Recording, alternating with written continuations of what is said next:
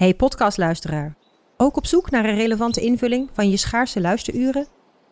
Tune dan in op de podcastserie ESG, even samengevat van BNP Paribas. Wij, Marloes en Aldert, spreken daar duurzame voorlopers en wereldverbeteraars. Waarover dan? Nou, bijvoorbeeld of we ooit duurzaam kunnen gaan vliegen. En waarom koeien in de stad nou een goed idee is? Dat en meer elke twee weken in een nieuwe aflevering. Dus abonneer je. ESG, even samengevat. Al 125 jaar kwaliteit voor jou thuis met Miele. Dat vieren we met jou. Ontvang nu tijdelijk een cashback tot 125 euro op veel Miele-apparatuur. Geniet van de kwaliteit van Miele. Voor perfect verzorgd wasgoed en kleding die veel langer mooi blijft. Voor een stralend schone vaat, even perfect als jouw diners. En een stofvrij thuis waarin echt hygiënisch schoon de standaard is. Check miele.nl voor alle feestelijke aanbiedingen. De redactie van NRC het verhaal van vandaag. Mijn naam is Thomas Ruip.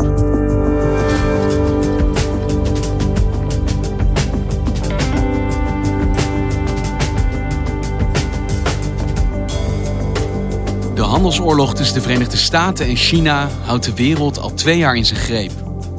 Over en weer delen ze plaagstoten uit. Een verdere escalatie ligt steeds op de loer. Maar vandaag, als alles goed gaat, tekent de Chinese delegatie op het Witte Huis een nieuwe handelsovereenkomst. Komen de landen eindelijk nader tot elkaar of is dit schijn?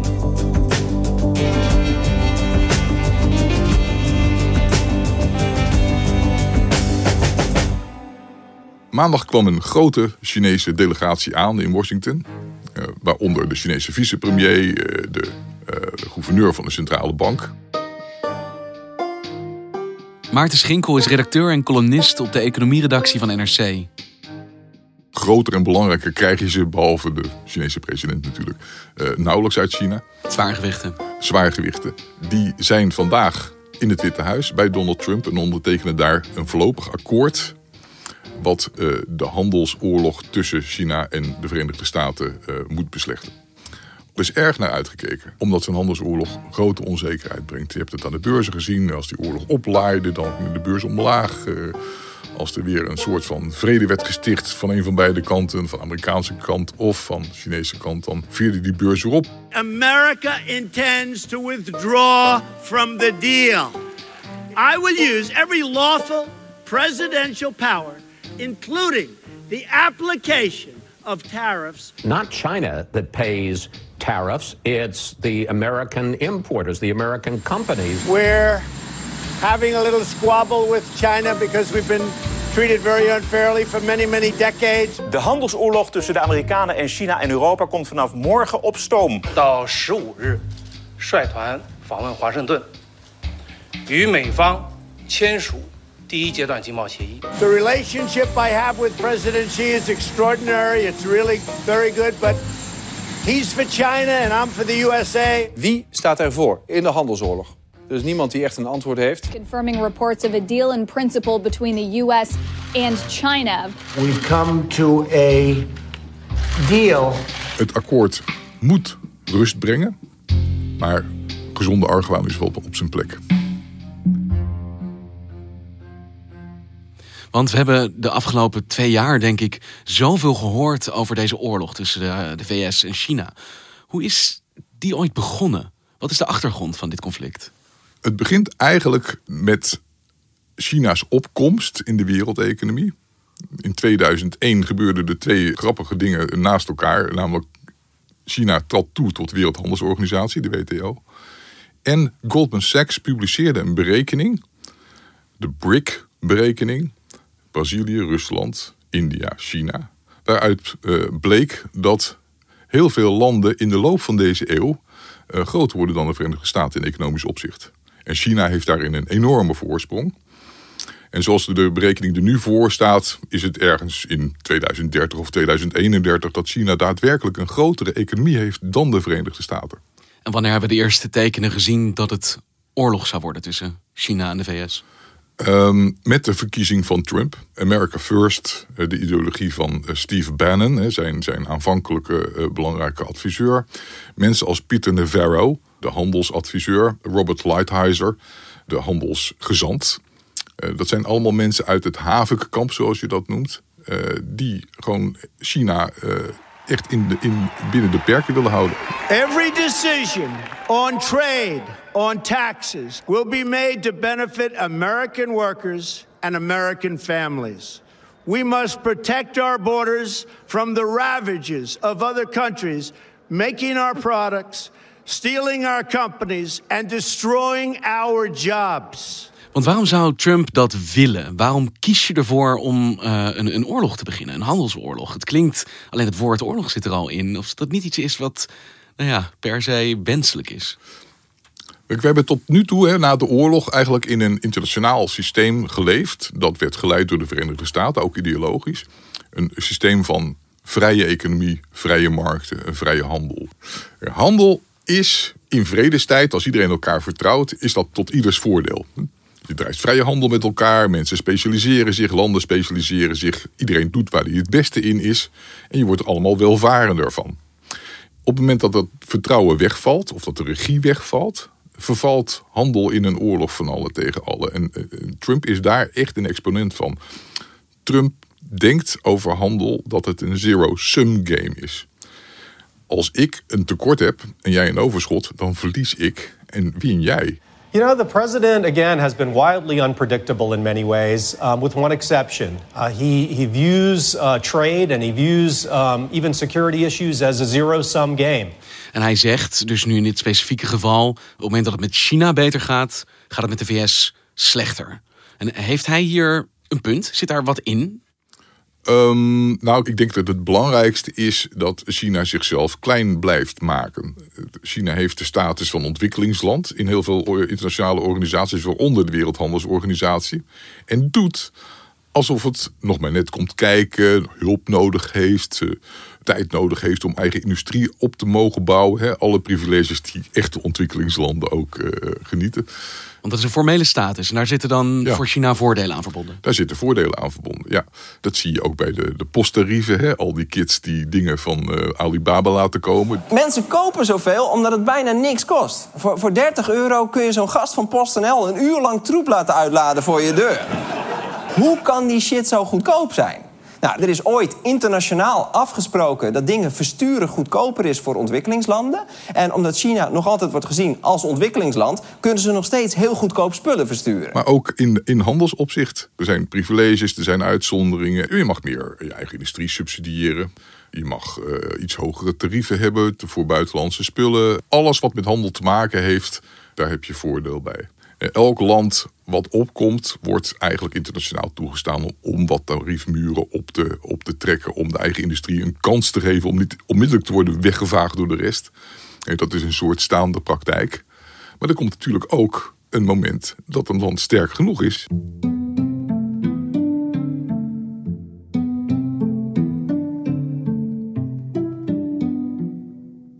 En wat de VS onder leiding van Trump dus betogen is eigenlijk China is die status van ontwikkelingsland en dus de voordelen die daarbij komen al lang ontgroeid. Dit slaat nergens meer op.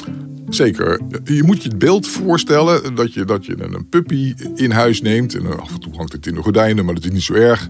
Maar langzamerhand groeit dat puppy uit tot een enorme pitbull.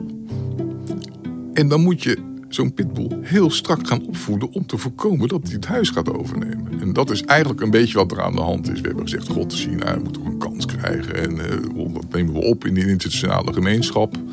Maar China is een vrij riskante speler aan het worden op het internationale speelveld. En zo moeten we het ook behandelen. De VS zegt China is een pitbull op dit moment. Pitbulls bijten. En welke manier doet China dat dan volgens de VS? Wat doen zij verkeerd? Ik denk dat eh, elke zakenman in China je kan vertellen wat hem overkomt of haar overkomt. Het feit dat het ontwerp van je producten niet veilig zijn, dat er uh, cyberdiefstal plaatsvindt. Het feit dat als je eenmaal geld hebt verdiend in China, je dat maar eruit weer moet zien te krijgen. En dan door je Chinese partners ook wordt gefrustreerd om dat te doen. Uh, het feit dat uh, er, grootschalige subsidies zijn op, uh, op sommige industrieën. de lijst is gewoon te lang om op te noemen. En sommige dingen gebeuren in het Westen ook, maar in China is het echt wel systematisch.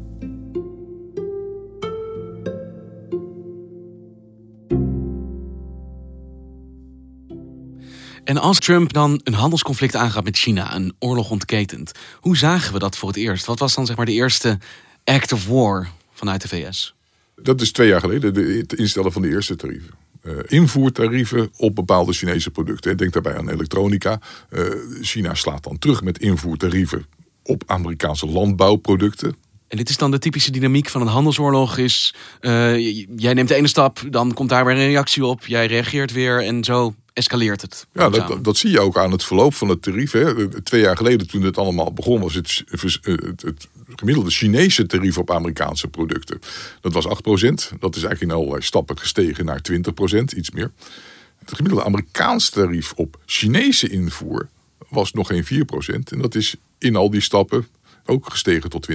Dus het toeval wil dat ze, nou misschien is het wel geen toeval, dat ze nu allebei een gemiddeld tarief hebben voor elkaars producten van rond de 20% Maar waarom ontstaat er wereldwijd zoveel paniek over deze handelsoorlog? Ik bedoel, je kan ook denken, ja, dat is heel vervelend voor China en de VS. Maar ja, laat het maar even uitvechten met elkaar. Kijk, handel brengt welvaart. Hè? Vrije handel brengt welvaart. Hoe meer vrije handel, hoe meer welvaart er is. Globalisering brengt grotendeels ook welvaart. Um, op het moment dat die globalisering op het spel staat, moet je logischerwijs concluderen dat de welvaartsgroei ook op het spel staat. En dat is wat internationale organisaties zoals het eh, Internationaal Monetair Fonds en de OESO e ook zeggen. Deze handelsoorlog die is slecht voor de wereldeconomie. En niet alleen voor de economie van Amerika en die van China. Want alles is zo vervlochten met elkaar. We zijn zo geglobaliseerd. Uh, dat een handelsoorlog tussen die twee grootmachten ook de rest raakt. Een gevecht tussen twee kinderen bederft dus weer op het hele schoolplein. Dat is een vrij goede analogie. En worden we minder welvarend van dit conflict? Uiteindelijk wel. Als je met z'n allen op een eh, trampoline staat en beginnen de twee hard te springen, dan heb je daar zelf ook last van. Wat er gebeurt nu eh, is de, de wereldeconomie groeit door, omdat dit handelsconflict nog niet heel erg op de spits wordt gedreven. Kijk, het opvoeren van tarieven is de meest vriendelijke manier van handelspolitiek. Door economen wordt het ook als een overkomelijk probleem uh, gezien, omdat spullen wel blijven stromen. Er blijft sprake van handel. Het wordt duurder, maar er blijft sprake van handel. Op het moment dat je importquota gaat toepassen, of echt rechtstreeks import gaat verbieden, dus de, de stromen onmogelijk maakt, dan treedt de werkelijke schade op. In dat stadium zijn we aan het terechtkomen je ziet bijvoorbeeld het Amerikaanse buitensluiten van sommige Chinese uh, technologiefirma's. We noemen Huawei. Huawei represents a national security risk. Huawei represents a national security risk. Uh, Huawei represents a national security risk. Uh, Chinezen doen dat bij de buitenlandse bedrijven natuurlijk sinds jaar en dag. er zijn te veel voorbeelden om op te noemen. Um, dus in dat stadium kom je langzamerhand ook terecht. Dat is het natuurlijke volgende stadium van een oorlog met tarieven een grimmiger stadium. Zeker, zeker een grimmiger stadium, ja. ja.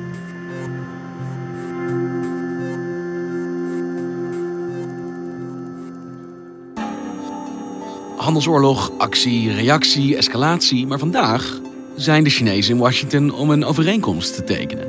Wat betekent dat dan? Wat er vandaag wordt ondertekend, een groot document, 86 pagina's. Eh, in dat document beloven de Verenigde Staten om sommige tarieven die ze hebben verhoogd de laatste tijd, om die weer wat te verlagen. De Chinezen doen dat ook. Uh, dreigingen onderling worden weggenomen. een paar van die oorlogshandelingen worden dus teruggedraaid vandaag. Het meest concrete is dat er wat tarieven worden verlaagd. Maar hoewel dit akkoord met enorm veel poeha wordt gepresenteerd. Ik geloof dat de Amerikaanse het gemiddelde tarieven uh, die gaan van iets meer dan 20% naar 19,3%. Dus dat is niet zoveel. Nee, nee, nee, nee, dat is helemaal niet zoveel. Dus zeg maar, de zaak wordt bevroren. Dit wordt gezien als een wapenstilstand. Er is heel weinig opgelost. En er wordt nu eh, met veel misbaar wordt er getekend vandaag. Maar er is eigenlijk heel weinig opgelost. Uh, op, het gebied van het beschermen van uh, intellectueel eigendom bijvoorbeeld... is, er, is er helemaal niets opgelost. behalve mooie woorden, maar die horen we al, al heel lang.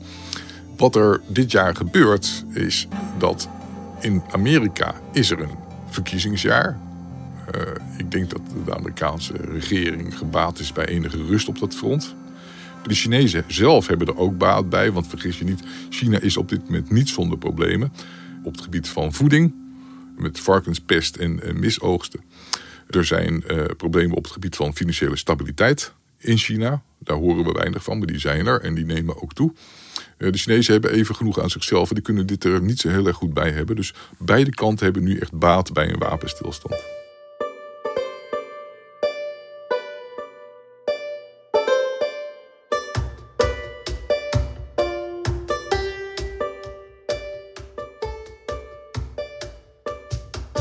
Want als dit een wapenstilstand is, uh, een ingedrukte pauzeknop, wat is er dan voor nodig om die handelsoorlog in ieder geval tot een einde te brengen?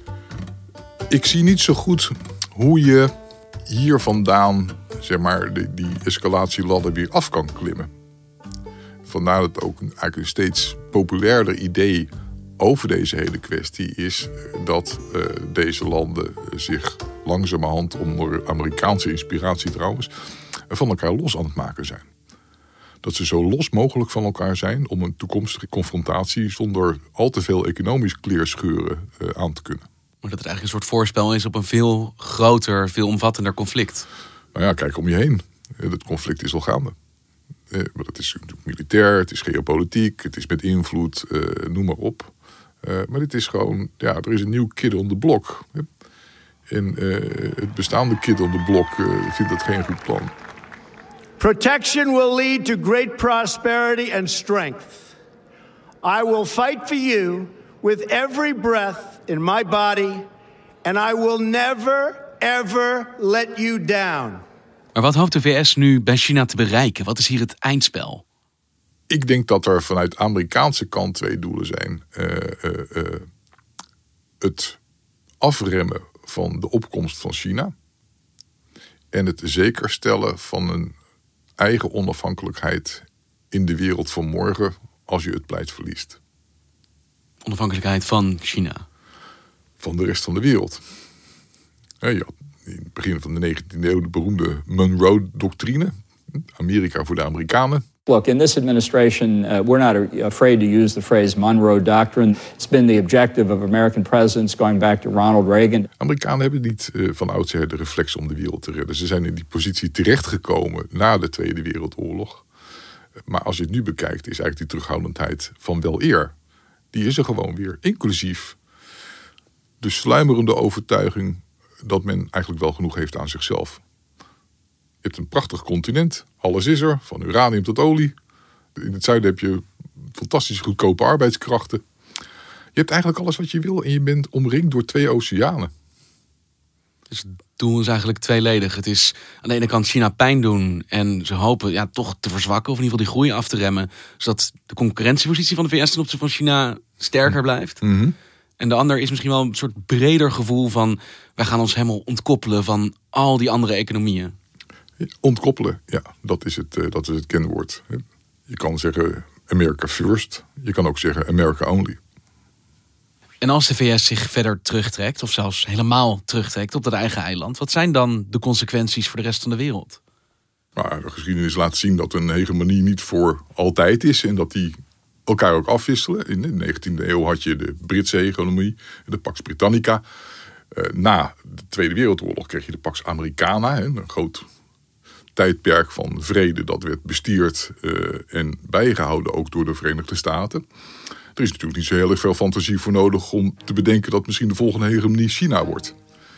Uh, dat ligt eigenlijk best wel voor de hand. Hè. Sommige mensen gaan uit van een multipolaire wereld hè, met meer supermachten die elkaar beconcurreren.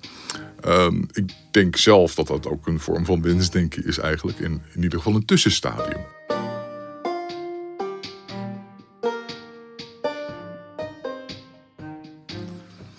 En daarna, op basis van bevolkingsaantallen, op basis van macht en ook op basis van wil, denk ik, krijg je die Chinese hegemonie.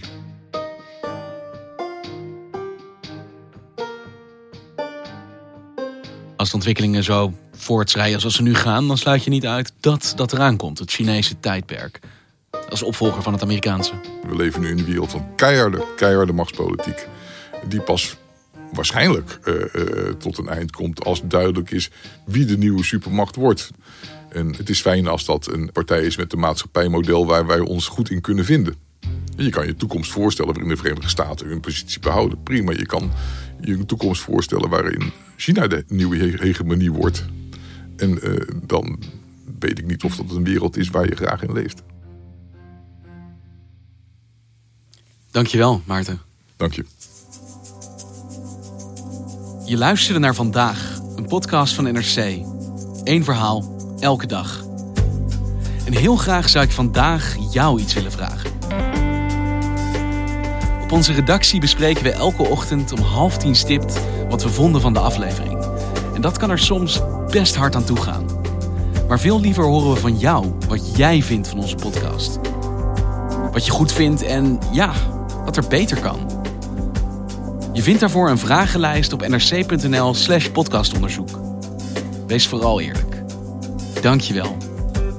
Dit was vandaag. Morgen weer.